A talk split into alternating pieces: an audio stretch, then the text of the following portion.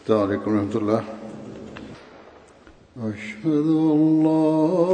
إله إلا الله وحده لا شريك له. وأشهد أن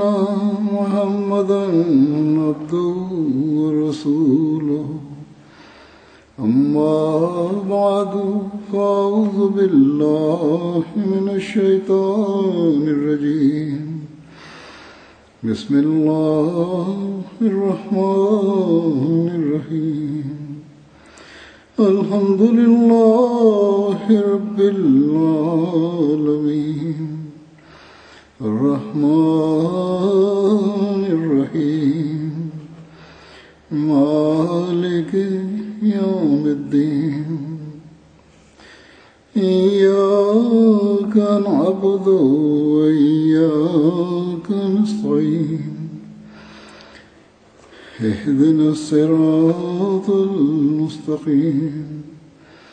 صراط الذين أنعمت عليهم. غير المغضوب عليهم ولا الضالين.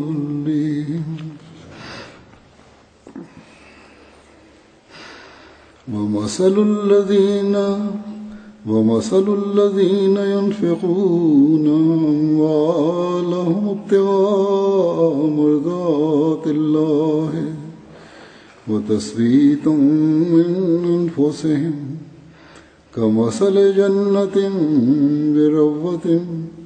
أصابها وابل فآتت أكلها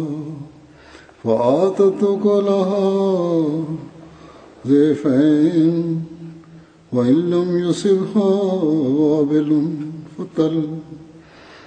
والله بما تعملون بصير. نتام نسن نكوني سنواريلا كوني نيما حضرت أمير المؤمنين خليفة المسيح الخامس أيده الله تعالى بن نصر عزيز जिस्मा खलीफा तखेंजीगा इंग्लैंड नाइंगा इस्लामाबाद टेलफोशी मुबारक बली मा, जुम्मा खुतबा मचा गे पारे अरी खुतबा मा खलीफा तखेंजीगा अलशमे लमा तनाउसा सुन लो लूरन तों सोए जे अचाऊं पीरो, वक्फे जदगी है कौंजी मिंगला रो रे अचाऊं गो, मचा टेंप्या गे पारे असा मा खलीफा तखेंजीगा जमिया कुरान सुराल बकरा တ်ဘာမွချခဲ့ပါတယ်အဲဒီခွတ်ဘာမှာခလီဖာတခင်ကြီးကအလရှမြဲလမ်းမှာတနာဥစာဆွန့်လွတ်လူရန်သုံးဆွဲခြင်းအကြောင်းပြီးတော့ဝက်ဖီဂျတိရဲ့ကောင်းကြီးမင်္ဂလာတော်တွေအကြောင်းကိုမွချတင်ပြခဲ့ပါတယ်ခွတ်ဘာရဲ့အစမှာခလီဖာတခင်ကြီးကဂျမ်မြတ်ကုရ်အာန်ဆူရာအလ်ဘကရာဆူရာမဆင်နဲ့အာယတ်မဆင်266ခုရုပ်ဖတ်တရစေပါတယ်အဲ့ဒီအာယတ်မုခဘတ်တော်ရဲ့ဘာသာပြန်ကမိမိတို့၏ဥစ္စာပစ္စည်းများကို အလားနှစ်သက်တော်မူခြင်းကို လိုလား၍၎င်းမိမိတို့၏စိတ်ဝိညာဉ်များမှအချို့ကို မြဲမြံခိုင်ခန့်စေရန်အတွက်၎င်းသုံးဆွဲသူတို့၏ဥပမာကကုန်းမြစ်ပေါ်တွင်ရှိသည့်ဥယျာဉ်နှင့်ပမာတူ၏ ရင်ပေါ်တဲထန်သောမူတိုက်ရောက်သောအခါတတိဝလံများအစတိုး၍တီးကြ၏အကယ်၍တဲထန်သောမူမတိုက်ရောက်သည့်တိုင်နှင်းမုန်သည်ပင်များစွာ လုံလောက်သည်ဖြစ်၏အလားသည်အသင်တို့ပြုကျင့်သည်တို့ကိုနတ်ဆိုင်စွာမြင်တွေ့တော်မူသောရှင်ဖြစ်တော်မူ၏ခလီဖာသခင်ကြီးမိန့်ကြားတော်မူသည်မှာဒီမောခဘတ်တော်မှာလရှမြတ်ကမိုမင်တောက်ဝင်ယုံကြည်သူတွေကအလရှမြတ်ရဲ့လမ်းမှာ အရှင်မြတ်ရဲ့ခြေနှက်နှစ်သက်တော်မူခြင်းကိုလိုလားသောအဖြစ်ငွေကြေးဥစ္စာလူရန်သုံးဆွဲခြင်းအခြေအနေကိုပုံရိပ်ဆွဲမိန့်ကြားထားခြင်းဖြစ်ပါတယ်။မုံမင်တပ်ဝင်ယုံကြည်သူတွေကအလရှမြရဲ့လမ်းမှာမိမိတို့ရဲ့ငွေကြေးဥစ္စာကိုလူရန်သုံးဆွဲရခြင်းရည်ရွယ်ချက်က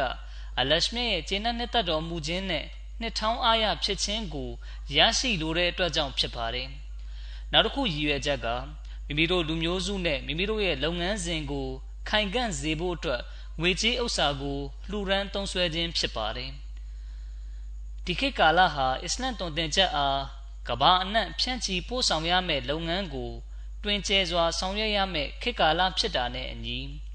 ဒီတောင်ဝင်ကိုလက်ရှမြတ်ကမစီမောဒလိုင်စလန်သခင်ထံမှာအန်နင်းထားပါတယ်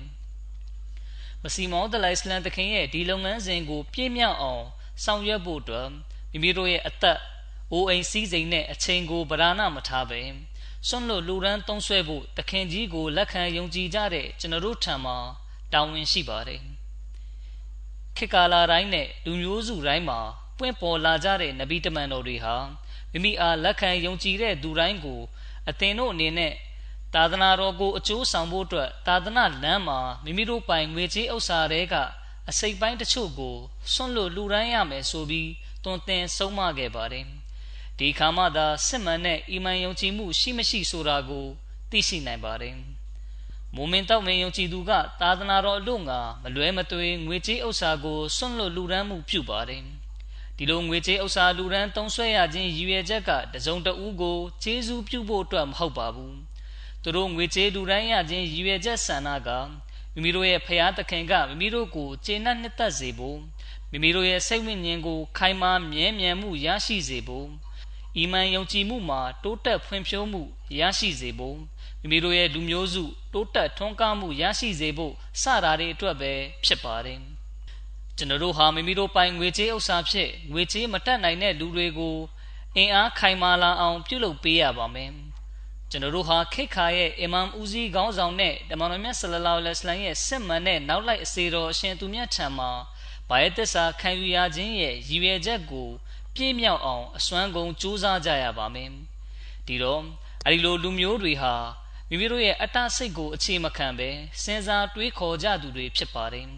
၎င်းတို့ရဲ့စိတ်ဝိညာဉ်ကဆွန့်လွတ်အနစ်နာခံမှုတွေပြုလုပ်ပြီးအလရှမြရဲ့ခြေနှက်နဲ့တတ်မှုကိုရရှိစေခြင်းဘက်သို့အာယုံစိုက်စေပါတယ်အဒီနောက်မှာသူတို့ဟာကုရ်ဘာနီဆွန့်လွတ်အနစ်နာခံခြင်းရဲ့မြင့်မားတဲ့စံချိန်ကိုရရှိသွားကြပါတယ်ဒါမှမဟုတ် အဲဒီလိုမြင့်မားတဲ့စံချိန်ကိုရရှိဖို့အတွက်ကြိုးစားအားထုတ်ကြပါတယ်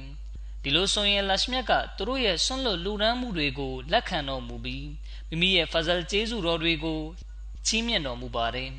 အလရှမြတ်ကကျွန်တော်တို့လူသားတွေရဲ့နှလုံးသားအခြေအနေကိုကောင်းစွာသိရှိတော်မူတဲ့အရှင်ဖြစ်ပါတယ်ကျွန်တော်တို့ရဲ့ရည်ရွယ်ချက်ကိုအလရှမြတ်ကသိရှိတော်မူပါတယ်ဒီအတွက်ကြောင့်အလရှမြတ်ကဘသူဟာဘလောက်များပြားတဲ့ကုရ်ဘာနီဆွန့်လွတ်မှုကိုပြုနေသလဲ ဘသူကပမာဏနည်းပါးစွာကုရ်ဘာနီပြုလုပ်နေသလဲဆိုတာကို ကြည့်တော်မမူပါဘူးဒါပြင်လရှမြတ်ကဘသူဟာငွေကြေးပမာဏဘလောက်များပြားစွာလှူဒန်းတယ်လဲဘသူကငွေကြေးပမာဏနည်းပါးစွာလှူဒန်းတယ်လဲဆိုတာကိုလည်းကြည့်တော်မမူပါဘူး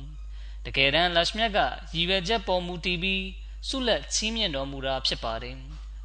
ဒီအတွက်ကြောင့်အလရှမြတ်မိန့်ကြားတော်မူတာက အလရှမြတ်အလို့ငါငွေကြေးဥစ္စာလှူဒန်းသုံးဆွဲသူတွေရဲ့ဥပမာကနှစ်မျိုးရှိတယ်။တစ်မျိုးကတဲထန်စွာရွာတဲ့မိုးရေလိုဖြစ်ပြီးနောက်တစ်မျိုးကအလွန်နှဲပါစွာရွာသွန်းတဲ့မိုးရေသို့မဟုတ်နှင်းမုန်လိုဖြစ်ပါတယ်။ပြည်လဲတဲ့လူတွေကြတော့အလရှမြတ်ရဲ့လမ်းမှာမိမိရဲ့ငွေကြေးဥစ္စာကိုများစွာလှူဒန်းသုံးဆွဲကြပါတယ်။ဒါမှမဟုတ်လှူဒန်းသုံးဆွဲနိုင်ပါတယ်။ဒါပေမဲ့ဆင်းရဲနွမ်းပါသူကတော့ချမ်းသာသူတဦးကလှူဒန်းနေတာကိုကြည့်ပြီး သူကတော့ငွေကြေးဥစ္စာလူရန်တဲ့နေရာမှာရှေတိုးလှမ်းသွားနေတယ်ငွေကြေးပမာဏများစွာပေးပြီးအလရှမြရဲ့ကျင့်တဲ့နှစ်သက်တော်မူခြင်းကိုရရှိပြီးအရှင်မြတ်နဲ့နှီးဆက်သူဖြစ်သွားပြီးငါလူရန်နဲ့ငွေကြေးပမာဏကဘာမှမပြောပလောက်ဘူးဒီတော့ငါကသူနဲ့ဘယ်လိုလုပ်အစင်တန်းတူညီနိုင်ပါမလဲစသဖြင့်တွေးတောပြီးစိတ်မကောင်းဖြစ်နေနိုင်ပါတယ်ဒီလိုကြောင့်အလရှမြတ်ကပမာဏအနှဲငယ်သာရွာသွန်းတဲ့မိုးရေဒါမှမဟုတ်နှင်းမုံကတော့ ကဘာမြေကြီးကိုအကျိုးပြုသလိုမပြေလည်တဲ့လူတစ်ယောက်ရဲ့ပမာဏအနှဲငယ်သာလှူဒန်းမှုကမိုးဆက်မိုးပေါက်အဆင့်ရှိပြီးအဲ့ဒီမပြောပလောက်တဲ့မိုးဆက်မိုးပေါက်ကလည်းတီးပွင့်ဝေဆာအောင်ပြုလုပ်တဲ့နေရာမှာအခန်းကဏ္ဍအားဖြင့်မယုံနေပါဘူးလို့မိန့်ကြားထားတော်မူခြင်းဖြစ်ပါတယ်။ဆွန့်လွတ်လူရန်မှုရဲ့အတီးပွင့်ကိုအလရှမြတ်ကချီးမြှင့်တော်မူမှာဖြစ်ပါတယ်။ကြင်ကြံအားထုတ်မှုတိုင်းအတွက်အတီးပွင့်ကိုအလရှမြတ်ကပေးသနာမှာဖြစ်ပါတယ်။ဒီတော့ အလရှမြတ်ကအသင်တို့ရဲ့အခြေအနေနဲ့အသင်တို့ရဲ့ရည်ရွယ်ချက်တွေကိုသိရှိတော်မူပါတယ်ဒီလိုကြောင့်အလရှမြတ်ကအသင်တို့ရဲ့အနှဲငယ်များဖြစ်တဲ့လှူဒန်းမှုကိုနှစ်ဆထပ်မကတိုးပွားပြီးအသီးပွင့်တွေဝေစာအောင်ပြုပေးတော်မူမှာဖြစ်ပါတယ်တမန်တော်မြတ်ဆလလောလ္လဟ်အလိုင်းကအခွင့်အခါတစ်ခုမှာတာဝကတော်တွေကိုယနေ့မှာတော့ဒရဟံငွေတပြားကဒရဟံငွေတသိန်းထက်ထူးမြတ်တာလွန်သွားခဲ့ပြီလို့မိန့်ကြားတဲ့အခါတာဝကတော်တွေကအိုးလိုက်တမန်တော်မြတ် ယင်းမှာအဘယ်သို့ဖြစ်ရပါသနည်းဆိုပြီးလျှောက်ထားမေးမြန်းကြပါတယ်ဒီအခါတမန်တော်မြတ်ဆလလောလ္လဟ်အလัยဟ်ကလူတယောက်ထံတွင်ဒရဟံငွေနှစ်ပြားရှိပြီးယင်းနဲ့ဒရဟံငွေတစ်ပြားကိုယင်းနဲ့ဒရဟံငွေတစ်ပြားကိုသူကအလလန်းတွင်ဆွန့်လွတ်လူဒန်းခဲ့သည်နောက်လူတယောက်ထံတွင်အလွန်များပြားသောငွေကြေးပမာဏရှိသည်၎င်းကသူပိုင်ဆိုင်သောငွေကြေးများစွာတွေကတရဟံငွေတသိန်းကိုအလူဒါနပြုသည် သူပြုသောတရဟံငွေတသိန်းအလူငွေသည် သူပိုင်ဆိုင်သောငွေကြေးနှင့်ရှင်လျင်အလွန်နှဲပါပေသည်ဆိုပြီးမိန့်ကြားတော်မူပါတယ်ဒီတော့ပြောရရင်အလရှမြတ်ကလူတယောက်ရဲ့ရည်ရွယ်ချက်ပေါ်မူတည်ပြီးအသီးပွင့်တွေကိုပေးသနာခြင်းဖြစ်ပါတယ်အခြေအနေပေါ်မူတည်ပြီးပြုလုပ်ကြင့်ကြံတဲ့လှုပ်ဆောင်ချက်ပေါ်မှာအလရှမြတ်ကအသီးပွင့်ကိုပေးသနာတော်မူတာဖြစ်ပါတယ်အလရှမြတ်ကဆင်းရဲနွမ်းပါတဲ့သူကိုလည်းအားပေးနှစ်သိမ့်တော်မူလျက် အသင်တို့ပြုလုပ်တဲ့ကုရ်ဘာနီအနှဲငယ်ကဘာဆင်းမှမရှိဘူးလို့မထင်လိုက်နဲ့အနှဲငယ်များဖြစ်တဲ့ကုရ်ဘာနီဆွန့်လွတ်လူရန်မှုကလည်းတစ်ဖက်မှာအသင်တို့ရဲ့အီမန်ယုံကြည်မှုကို ခိုင်မာမြဲမြံအောင်ပြုလုပ်ပေးသလိုအခြားတစ်ဖက်မှာဂျမတ်တွက်လည်းခိုင်မာမြဲမြံမှုရရှိအောင်အကြောင်းကံတွေကိုပြုလုပ်ပေးတယ်ဆိုပြီးမိန့်ကြားတော်မူထားပါတယ်။ဒါကြောင့်အလရှမြအလို့ငါစိတ်အားတရက်နဲ့ပြုလုပ်တဲ့ဆွန့်လွတ်လူရန်မှုကအလရှမြဖဇလ်ကျေးဇူးတော်တွေကို ဆွဲငင်ပါတယ်။အလရှမြကကျွန်တော်တို့ပြုလုပ်တဲ့လှုပ်ဆောင်မှုတိုင်းကိုကြည့်ရှုလျက်ရှိတော်မူပါတယ်။ဒီတော့ကျွန်တော်တို့အနေနဲ့ဘာလုပ်ပဲလုပ်လို့အလရှမြရဲ့ကျင့်တဲ့သက်တော်မူခြင်းကိုရရှိဖို့အတွက်ပဲလုပ်ရမယ်ဆိုတဲ့အချက်ကိုအမြဲတမ်းမျက်မှောက်ပြုထားရပါမယ်။အာမဒီတိုင်းအဲ့ဒီလိုစဉ်းစားတွေးခေါ်မယ်ဆိုရင်အလရှမြဖဇလ်ကျေးဇူးတော်တွေကိုအမှန်တကယ်အမွေခံထိုက်သူတွေဖြစ်လာပါလိမ့်မယ်။မစီမောဒလိုင်စလန်တခင်ရဲ့လက်ထက်မှာ တခင်ကြီးကိုလက်ခံယုံကြည်ကြသူအများစုကဆင်းရဲနွမ်းပါသူတွေဖြစ်ပါတယ်။ဒါပေမဲ့သူတို့ဟာကုရ်ဘာနီဆွန့်လွတ်လူရန်မှုပြုတဲ့နေရာမှာတော့ရှေ့တန်းမှာရှိကြပါတယ်အခွင့်အခါတစ်ခုမှာမစီမောဒလိုင်စလန်တခင်က၎င်းတို့ကိုချီးမွမ်းလျက်အခုလိုမိန့်ကြားတော်မူပါတယ်ကျွန်ုပ်တို့၏ဂျမတ်တွင်ဆင်းရဲနွမ်းပါမှုကြောင့်အဝတ်ပင်ကောင်းစွာဝတ်ဆင်နိုင်ခြင်းမရှိသောသူအများပြားရှိကြကုန်၏ သူတို့သည်ကောင်းမွန်သောအင်ကြီးနှင့်ဘောင်းမီကိုပင်ဝတ်ဆင်ရန်မတတ်နိုင်သောကြောင့်ရန်ဖန်ရန်ခါမှသာဝတ်ဆင်နိုင်ကြသည်သူတို့မှာပိုင်ဆိုင်မှုဟု၍ဘာမှမရှိကြကြသို့သော၎င်းတို့၌ရှိသောအဆုံးမရှိသည့်ဖြူစင်မှုနှင့်ရည်ရွယ်ချက်တန့်စင်မှုချစ်ချင်းနှင့်တစ္ဆာရှိမှုဖြင့်အဘယ်မျှအလူဒါနပြုကြသနည်းဆိုလျင်ရင်ကိုကြည့်ပြီးကျွန်ုပ်အံ့ဩမှုဖြစ်ရပေသည်ထိုချိန်နေသည်၎င်းတို့ထံ၌အချိန်နှင့်မျှပေါ်လွင်ထင်ရှားလျက်ရှိသည် ယင်းအရေးလက္ခဏာများက၎င်းတို့၏မျက်နာထက်တွင် ပေါ်လွင်ထင်ရှားလျက်ရှိသည်သူတို့သည်အဘယ်မျှအီမန်တပ်ဝင်မှုတွင် ခိုင်မာကြပြီးယကင်ယုံကြည်ခြင်းတွင်လည်းစစ်မှန်ကြသနည်းဆိုလျင်ထိုပြင်ဖြူစင်ဖြောင့်မတ်မှုခိုင်မာစွာယက်တီမှုတွင်အဘယ်မျှတည်ကြည်၍တစ္ဆာရှိကြသနည်းဆိုလျင်ငွေကြေးချမ်းသာကြွယ်ဝသူများလောကီစည်းစိမ်၌ရင်မှုပျော်မွေ့နေကြသူများကသာ ထိုစည်းစိမ်ရတကိုခံစားရမည်ဆိုလျင်၎ င်းတို့သည် မိမိတို့မှရှိသမျှအရာရာကို ပေးဆက်ဖို့အသင့်ဖြစ်သွားကြပေလိမ့်မည်နောက်တနေရာမှာ မစီမောဇလအစ္စလမ်တခင်မိန့်ကြားတော်မူပါတယ်။ဤဂျမားသည်ဖြူစင်မှုနှင့်ချစ်ချင်းတွင် အလွန်ထင်ရှားစွာ တိုးတက်ခဲ့သည်ကိုကျွန်ုပ်မြင်ရပါ၏။အချို့အခါများတွင်ဂျမားအဖွဲ့ဝင်တို့၏ချစ်ချင်းဖြူစင်မှုတရားတရားရှိခြင်းနှင့်အီမန်တပ်ဝင်ယုံကြည်ခြင်းစိတ်အားကိုကြည့်ပြီးကျွန်ုပ်ကိုယ်တိုင်လည်းအံ့ဩရပါသည်။အဘယ်များဟုမူထိုးခြင်းတွေကိုကြည့်ပြီး ရန်သူများလည်းအံ့ဩကြရသည်။ခလီဖာသခင်ကြီးမိန့်ကြားတော်မူသည်မှာဒီတော့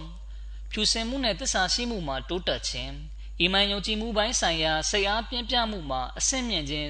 စတာတွေကိုလက်တွေ့အကောင့်ထဲဖော်ပြခြင်းအောင်ယနေ့မှလည်းမစီမောဒလက်စလန်တခင်ရဲ့ဂျမာထဲကပုံကိုယ်တွေထံမှာကျွန်တော်တို့မြင်တွေ့ကြရပါတယ်။ဒါရင်မကဒီအချိန်တွေကိုဂျမတ်ထဲအသက်ဝင်ရောက်လာကြတဲ့နောင်မဘာအင်းတွေထံမှာလည်းမြင်ရပါတယ်။ တကယ်ဆိုရင်သူတို့ကိုတရဘီယတ်ပဲ့ပြင်မှုပေးတာကာလတိုတစ်ခုပဲရှိပါသေးတယ်။သူတို့တွေဟာကာလအနှဲငယ်တွင်းမှာအလွန်တိုးတက်လာခဲ့တာကိုကြည့်ပြီးအံ့ဩရပါတယ်။တမန်တော်မြတ်ဆလလောလ္လဟ်အလိုင်းရဲ့စစ်မှန်တဲ့အစီတော်ကိုချစ်ချင်းဖြင့်ဆက်နွယ်မှုထားရှိခြင်းခလာဖတ်ပေါ်မှာထားရှိတဲ့သစ္စာရှိခြင်းနဲ့ဖြူစင်မှုရဲ့စံချိန်စံညွှန်းကိုသူတို့ထံမှဘယ်လောက်တောင်အဆင့်မြင့်စွာတွေ့ရတယ်လဲဆိုရင် အထမမစီမောဒလိုင်စလန်တခင်မိန့်ကြားတော်မူသလိုရန်သူတွေကတောင်အံ့ဩကြရပါတယ်။ဘယ်ရာကသူတို့အတွင်းမှာတော်လန်ပြောင်းလဲမှုကို ပြုခဲ့တာပါလေဒါဟာမလွဲမသွေအလရှမြရဲ့ထူးခြားတဲ့ဖဇလ်ကျေးဇူးတော်ဖြစ်ပါတယ်အလရှမြကသူတို့ရဲ့စိတ်သဘောထားကောင်းမြတ်ခြင်းဖြူစင်မှုတရားတရားထက်သန်ခြင်းကိုကြည့်ပြီးသူတို့ပေါ်ဖဇလ်ကျေးဇူးပြုတော်မူခဲ့ခြင်းဖြစ်ပါတယ်အဲ့ဒီလိုစိတ်သဘောထားကောင်းခြင်းဖြူစင်တရားတရားရှိခြင်း မိမိတို့ခံယူထားတဲ့ဘယတ်ဂရီတစ္ဆာရဲ့တာဝန်ကို ဖြည့်ဆည်းခြင်းခေခါရဲ့ခလီဖာနဲ့တစ္ဆာရှိစွာဆက်နွယ်မှုထားခြင်းစတာတွေက၎င်းတို့ရဲ့ပြောစကားတွေနဲ့လှုပ်ဆောင်ချက်တွေအားဖြင့်ပေါ်လွင်ထင်ရှားပါတယ်ယနေ့ကဘာဟာလောကီရုပ်ဝတ္ထုပစ္စည်းနဲ့စီစဉ်ခံခြင်းထဲမှာနင်မွန်းလျက်ရှိနေပါတယ်ဒါပေမဲ့အထက်မှာဖော်ပြခဲ့တဲ့လူတွေကတော့အလရှမေကျင်းတဲ့တတ်မှုကိုရရှိဖို့အတွက်အလလမ်းမှာငွေကြေးဥစ္စာတွေကိုလူရန်ပြီး တဦးထက်တဦးရှေ့တိုးလှမ်းဖို့ကြိုးစားကြပါတယ်အကြောင်းကတော့သူတို့ဟာလရှမေကျင်းတဲ့တတ်တော်မူခြင်းကိုရရှိဖို့အတွက်အကြောင်းကံတစ်ခုကအလလမ်းမှာငွေကြေးဥစ္စာလူရန်သုံးဆွဲခြင်းကလည်းတစ်ခုပါဝင်ဖြစ်ကြောင်းထိုးထွင်းသိရှိပြီးဖြစ်လို့ပါပဲဒီတော့မစီမောဒလစ်လန်တခင်ကိုအကြောင်းခံပြီးအလရှမေရဲ့ဂရီတော်တွေနဲ့အညီဖြစ်ထွန်းလာတဲ့ဒီဂျမတ်နဲ့ပတ်သက်ပြီးဒီဂျမတ်ကအားနဲ့ချိနဲ့နေပြီလို့ ဘယ်လိုလုပ်ဝေဖန်စောရကပြုလို့ရပါမလဲဒီဂျမတ်ကိုတီထောင်ရခြင်းကိုကတီးပွင့်ဝေစာလာဖို့နဲ့တိုးတက်ထွန်းကားလာဖို့အတွက်ပဲဖြစ်ပါတယ်ရန်သူတွေရဲ့ထုံးနှံတိုက်ခိုက်မှုတွေကဒီဂျမတ်ကိုအနှဲငယ်မြပင် ထိခိုက်နစ်နာစေမှာမဟုတ်ပါဘူးအခုလဲဒီဂျမတ်ကအလရှမေဖဇလ်ကျေးဇူးတော်အဖြစ်တီးပွင့်ဝေစာလျက်ရှိပါတယ်ငွေကြေးဥစ္စာလူရန်ချင်းအကြောင်းကိုတင်ပြနေတာကြောင့်ဒါနဲ့ပတ်သက်ပြီးတချို့ဖြစ်ရပ်တွေကိုတင်ပြပါမယ် ကဘာအနှံ့မှာရှိတဲ့ဂျမတ်ဖွဲ့ဝင်တွေကဘယ်လိုကုရ်ဘာနီဆွန့်လွတ်မှုတွေကိုပြုပြီးမိမိတို့ရဲ့အီမန်တောက်ဝင်ခြင်းနဲ့ယကင်ယုံကြည်ခြင်းတွေကိုဖော်ထုတ်ပြသကြပါသလဲပြီးနောက်တဖန်လရှမြတ်ကလည်း၎င်းတို့ရဲ့ယုံကြည်မှုကိုဘယ်ပုံဘယ်နည်းခိုင်မာတိုးတက်အောင်ပြုလုပ်ပေးပါသလဲစီရာလီယွန်နိုင်ငံရဲ့မြို့တစ်ခုမှသာသနာပြုကရေးပါတယ်ကျွန်တော်ကစီရာလီယွန်နိုင်ငံရဲ့မြို့နှံ့ကိုတရဘီယတ်အစီအစဉ်နဲ့လှည့်လည်ပါတယ် အဲ့ဒီချိန်ကလန်တလာရဲ့နောက်ဆုံးသတင်းပတ်ဖြစ်ပါတယ်အဲ့ဒီမှာမြို့တစ်မြို့ကဂျမတ်ဖွဲ့ဝင်တွေကိုဝက်ဖီဂျဒီကျန်တာပေးလူဖို့အတွက်နှိုးဆော်ပါတယ်အဲ့ဒီချိန်ဂျမတ်ဖွဲ့ဝင်တွေကမစဂျစ်ဝစ်ချောင်းမှာရှိနေခြင်းဖြစ်ပါတယ်သူတို့ကိုကျန်တာထည့်ဝင်ဖို့နှိုးဆော်တဲ့အခါအဲ့ဒီကအီမမ်ကကျန်တာလူငွေထည့်ဝင်ဖို့အတွက်စုထားတဲ့ငွေတွေကိုပေးပါတယ်အီမမ်ဆပ်ကကျွန်တော်ဂရိပြုထားတဲ့အတိုင်းငွေပမာဏအပြည့်အဝမထည့်ဝင်နိုင်ခဲ့ပါဘူး ဒါပေမဲ့ကျွန်တော်ကကျွန်တော်ပြုထားတဲ့ဂရိငွေကိုအပြည့်အဝထည့်ဝင်ခြင်းနဲ့ဆန္ဒရှိပါတယ်ဒီလိုဂရိငွေပြည့်အောင်ဖြည့်ဖို့ကလည်းကျွန်တော်မှနီးလန်းမရှိပါဘူးလို့ပြောပါတယ်ဒီခါကျွန်တော်ကရပါတယ်စိတ်မပူပါနဲ့တဝါဆူတောင်းပါမယ်လို့ပြောပြီးကျွန်တော်ကဥဆောင်ပြီးတဝါဆူတောင်းပါတယ်အားလုံးကလည်းအတန်ကျဲစွာဖြင့်အာမင်လို့ရွတ်ဆိုကြပါတယ်အဲ့ဒီနောက်ကျွန်တော်ကစိုက်ကယ်စီးပြီးကျွန်တော်တို့ရဲ့ mission house သို့ပြန်လာခဲ့ပါတယ် ကျွန်တော် mission house သို့မရောက်ခင်မှာပင်အဲ့ဒီ imam sab ထံကဖုန်းဝင်လာပြီးဖုန်းထဲမှာ imam sab ကကျွန်တော်နဲ့တွေ့ဖို့ mission house ကိုလာနေကြောင်းပြောပါတယ်သူ့စကားကိုကြားပြီးဂူပဲကျွန်တော်ကသူ့စီကထွက်လာတာဂူချက်ချင်းပဲသူ့စီကဖုန်းဝင်လာတဲ့အတွက်အလွန်အံ့ဩသွားရပါတယ်ဒီလိုနဲ့အီမမ်ဆပ်ကကျွန်တော်စီရောက်လာတဲ့အခါပြောပြတာကကျွန်တော်တို့ဒဝါဆူတောင်းခဲ့ကြတယ်ဒဝါဆူတောင်းပြီးခဏကြာမှပဲကျွန်တော်ရဲ့ရွှေမျိုးတအူးရောက်လာတယ် သူကသူ့အိတ်ထဲကနေလီယွန်ငွေတသိန်းကိုထုတ်ပြီးကျွန်တော်လက်ထဲထည့်ပေးသွားတယ်ကျွန်တော်ကလည်းသူ့ကိစ္စတစ်ခုအဆင်ပြေဖို့အတွက်ဒဝါဆူတောင်းခိုင်းတယ်ဒါဟာဒဝါဆူတောင်းခြင်းရဲ့တရားမှုကြောင့်ပဲဆိုတာကိုသိပြီးအဲ့ဒီနေရာမှာတင်ကျွန်တော်ကအလ္လာဟူအက်ဘာဆိုပြီးအတန်ကျဲစွာကြွေးကြော်လိုက်တယ်ကျွန်တော်ဒီလိုကြွေးကြော်လိုက်တဲ့အခါကျွန်တော်ဆွေမျိုးကလည်းအလွန်အံ့ဩသွားပြီးဘာဖြစ်တာလဲလို့မေးပါတယ်ဒီအခါကျွန်တော်ကဝက်ဖရဂျဒီကျန်တာဂရီပြုတ်ငွေပေးဖို့ငွေနဲ့ငယ်ကြံသေးကြောင်း ခုပဲကျွန်တော်သွားတောင်းပြီးဂါဇာရှိသေးတယ်အလရှမြတ်ကခမားကိုလွတ်ပြီးဒီငွေတွေကိုကျွန်တော်အတွက်ပေးလိုက်တယ်လို့သူ့ကိုပြောပြပါတယ်ဒီလိုနဲ့အီမမ်ဆပ်ကသူရရှိခဲ့တဲ့လီယွန်ငွေတသိန်းကိုဝက်ဖရဂျဒီကျန်တာမှာထည့်ဝင်လူရန်ခဲ့ပါတယ်ခရီးဗာတခင်ကြီးမိန့်ကြားတော်မူပါတယ်လီယွန်ငွေတသိန်းကစတာလင်ပေါင်နဲ့တွက်ကြည့်ရင်စတာလင်ပေါင်6ပေါင်ခွဲပဲရှိပါတယ်။ဒါပေမဲ့အဲ့ဒါကသူ့တွက်ကတော့အလွန်များပြားတဲ့ငွေပမာဏဖြစ်ပြီးဒါဟာသူ့ရဲ့အလွန်ကြီးမားတဲ့ဆွန့်လွတ်လူဒန်းမှုဖြစ်ပါတယ်။ အဲ့လိုဆွန့်လွတ်လူဒန်းမှုမျိုးကပဲအလရှမဲဖဇလ်ကျေးဇူးတော်တွေကိုဆွဲငင်တာဖြစ်ပါတယ်။သူကလည်းကိုရေးကိုတာအတွက်ငွေကြေးအလွန်မင်းလိုအပ်နေပေမဲ့မိမိတို့အတုံးမပြုတ်ပဲကျန်တာအလူငွေကိုချက်ချင်းထည့်ဝင်ခဲ့ပါတယ်။ဒီလိုနမူနာမျိုးကပဲတမောင်နှမြက်ခေတ်မှာတရဟံငွေတပြားကတရဟံငွေတသိန်းထက်တာလွန်သွားခဲ့ခြင်းဖြစ်ပါတယ်။အဲဒီလိုလူတွေပေါ်မှာပဲအလရှမဲရဲ့ချစ်ချင်းမြတ်တာကလွှမ်းခြုံတာဖြစ်ပါတယ်။ တဖန်ဆွန့်လို့လူဒန်းချင်းဆိုင်ရာစိတ်အားထက်သန်မှုကအမျိုးသားတွေမှာပဲတွေ့ရတတ်တာမဟုတ်ပဲအမျိုးသမီးတွေထံမှာလည်းတွေ့ရပါတယ်။အာဖရိကမြောက်ဘက်အလယ်ပိုင်းကနိုင်ငံတစ်ခုဖြစ်တယ်။ချက်နိုင်ငံကဖြစ်ရဖြစ်ပါတယ်။အဲဒီမှာလည်းအလွန်ဖြူစင်မှုရှိတဲ့လူတွေကိုအလရှမြတ်ကမွေးထုတ်ပေးလျက်ရှိပါတယ်။အဲ့ဒီနိုင်ငံကဂျမတ်ဖွဲ့ဝင်အများစုကနောင်မဘာအင်းတွေဖြစ်ပါတယ်အဲ့ဒီချက်နိုင်ငံကဂျမတ်ဖွဲ့ဝင်အမျိုးသမီးတဦးကရေးပါတယ် ကျမကဝက်ဖေဂျဒီကျန်တာအတွက်ဖရန့်ငွေ9000ထည့်ဝင်ဖို့ဂရုပြုထားပါတယ်ဒါပေမဲ့ကျမမပေးနိုင်ပါဘူးကျမမှာကလုတ်တကောင်ရှိပါတယ်အဲ့ဒီကလုတ်ကိုဖရန့်ငွေ3,9000နဲ့ရောင်းချလိုက်ပါတယ်ကလုတ်ရောင်းလို့ရတဲ့ငွေနဲ့ဝက်ဖေဂျဒီကျန်တာကိုလည်းထည့်ဝင်ခဲ့သလိုပိုရှန်တဲ့ငွေကိုလည်းကျမအတွက်အသုံးမပြုဘဲအခြားကျန်တာတွေမှာထည့်ဝင်လိုက်ပါတယ်တိုဂိုနိုင်ငံကဖြစ်ရတဲ့ခုကိုတင်ပြပါမယ်တိုဂိုနိုင်ငံကဂျမတ်မှာအီဗရာဟင်ဆာဟစ်လို့ခေါ်တဲ့ ဂျမတ်ဖွဲ့ဝင်တဦးရှိပါတယ်သူကစိတ်ကြောင်းတဲ့အလုပ်ကိုလုပ်ကင်ပါတယ်သူအလုပ်ကရတဲ့ငွေပေါ်မူတည်ပြီးကျန်တာလူငွေကိုရှီတန်းကထက်ဝင်လှူဒန်းပါတယ်သူကဝက်ဖေဂျဒီအတွက်ဂရီးပြုတ်ခဲ့ပေမယ့်သူပြုတ်ထားတဲ့ဂရီးငွေကိုအပြည့်မထည့်နိုင်ခဲ့ပါဘူးသူတို့နေတဲ့အနီးပတ်ဝန်းကျင်မှာမြေတစင်းရှိပါတယ်အဲ့ဒီမြစ်ကနေတဲတွေကိုထုတ်ယူကြပါတယ်သူကလည်းညဘက်မှာမြစ်ထဲကနေတဲထုတ်တဲ့အလုပ်မှာအလုပ်ဝင်ပြီးထရက်ကားနှစ်စီးမှာတဲတွေကိုဖြည့်ပါတယ် အဲ့ဒီအလုပ်ကနေရရှိတဲ့ငွေတွေကိုဝက်ဖေဂျဒီကျန်တာမှာထည့်ဝင်ခဲ့ပါတယ်သူကဘာကြောင့်ခုလောက်ထိအလုပ်ကြိုးစားရတာပါလဲပြီးတော့အလုပ်ကနေရရှိတဲ့ငွေကိုလည်းမိမိထံမှာတပြားတစ်ချက်မှယူမထားခဲ့ပဲကျန်တာမှာထည့်ဝင်ခဲ့ပါတယ်သူဒီလိုလုပ်ရခြင်းကအလလန်းမှာလူရန်ခြင်းဖြစ်အလရှမြင့်နှစ်သက်တော်မူခြင်းကိုရရှိမယ်ဆိုတဲ့အတိညာစဉ်ကိုရရှိခဲ့ပြီးဖြစ်တာကြောင့်ပါပဲ တဖန်မျိုးသားမျိုးသမီးတွေနဲ့လူကြီးတွေကသာကျန်တာလူထက်ဝင်ဖို့စိတ်အားထက်သန်ကြတာမဟုတ်ပဲလူငယ်ရွယ်တို့ချင်းနှင်းဝင်ရောက်လာနေပြီဖြစ်တဲ့ကလေးတွေမှလည်းဒီလိုစိတ်အားထက်သန်မှုတွေကိုမြင်ရပါတယ်အမေရိကမြောက်အလယ်ပိုင်းရှိနိုင်ငံတစ်ခုဖြစ်တဲ့ဘယ်လီစ်နိုင်ငံကဖြစ်ရတစ်ခုကိုတင်ပြပါမယ်အဲ့ဒီနိုင်ငံဟာဒီကနေအလွန်ဝေးကွာပြီးခေတ်ခါရဲ့ခလီဖာကလည်းအဲ့ဒီကိုမရောက်ဖူးပါဘူးအဲ့ဒီမှာရှိတဲ့အာမဒီတွေအားလုံးကနောင်မပါရင်တွေကြီးပါပဲ ဒါပေမဲ့ဘယ်ရက်ဒေတာမှာရှိတဲ့အာမဒီဖြစ်စေအာမဒီအားလုံးရဲ့စဉ်းစားတွေးခေါ်မှုကအတူတူပဲဖြစ်ပါတယ်အမေရိကန်နိုင်ငံဖြစ်စေအာဖရိကဖြစ်စေကျွန်းနိုင်ငံတွေဖြစ်စေအာရှဖြစ်စေဘယ်နိုင်ငံမှာရှိတဲ့အာမဒီမဆိုအာမဒီအားလုံးရဲ့စဉ်းစားမျှော်မြင်မှုကအတူတူပဲဖြစ်ပါတယ်ဒီလိုတော်လန်ပြောင်းလဲမှုကိုမစီမောဒလစ်လန်တခင်ကဖြစ်ထွန်းစေခဲ့ခြင်းဖြစ်ပါတယ် အသက်14နှစ်အရွယ် ကလေးတဦးကတဲရီဂီဂျဒီကျန်တာကိုထက်ဝင်လူရန်ခဲ့ပါတယ် ဒီကြောင့်ကို ကျွန်တော် ခလီဖာသခင်က ခွတ်ဘာမှာထဲသွင်း ပြောဆိုခဲ့ပါတယ် ဒီခါ လူတွေက သူ့ကို ချီးမွမ်းပြောဆိုကြပါတယ် သူက ဒီလိုလူဒါနပြုတဲ့အတွက် ကနေဒါနိုင်ငံက တစုံတစ်ယောက်ကလည်း သူ့ထံ ဒေါ်လာ200ကို လက်ဆောင်ပို့ပေးခဲ့ပါတယ် ဒီနိုင်ငံက ကလေးတွေဆိုရင် အဲ့ဒီ ဒေါ်လာ200ကို ဂိမ်းတွေ ဝယ်လိုက်မှာဖြစ်တယ် ဒါပေမဲ့ဘလီစ်နိုင်ငံက အဲ့ဒီကလေးရဲ့ ပြုမှုလှုပ်ဆောင်ချက်ကို ကြည်ပါ သူကကျွန်တော်အသုံးလိုတဲ့အတွက်ဒေါ်လာ200တဲကဒေါ်လာ30ကိုဖယ်ထားလိုက်ပြီး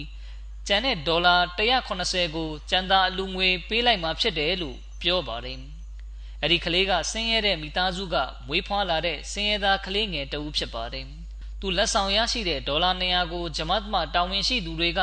အတင်အသုံးပြုဖို့အတွက်ထားပါလို့ပြောကြပေမဲ့သူကတော့ကျန်တာလူငွေမှာထည့်ဝင်လိုက်ပါတယ်။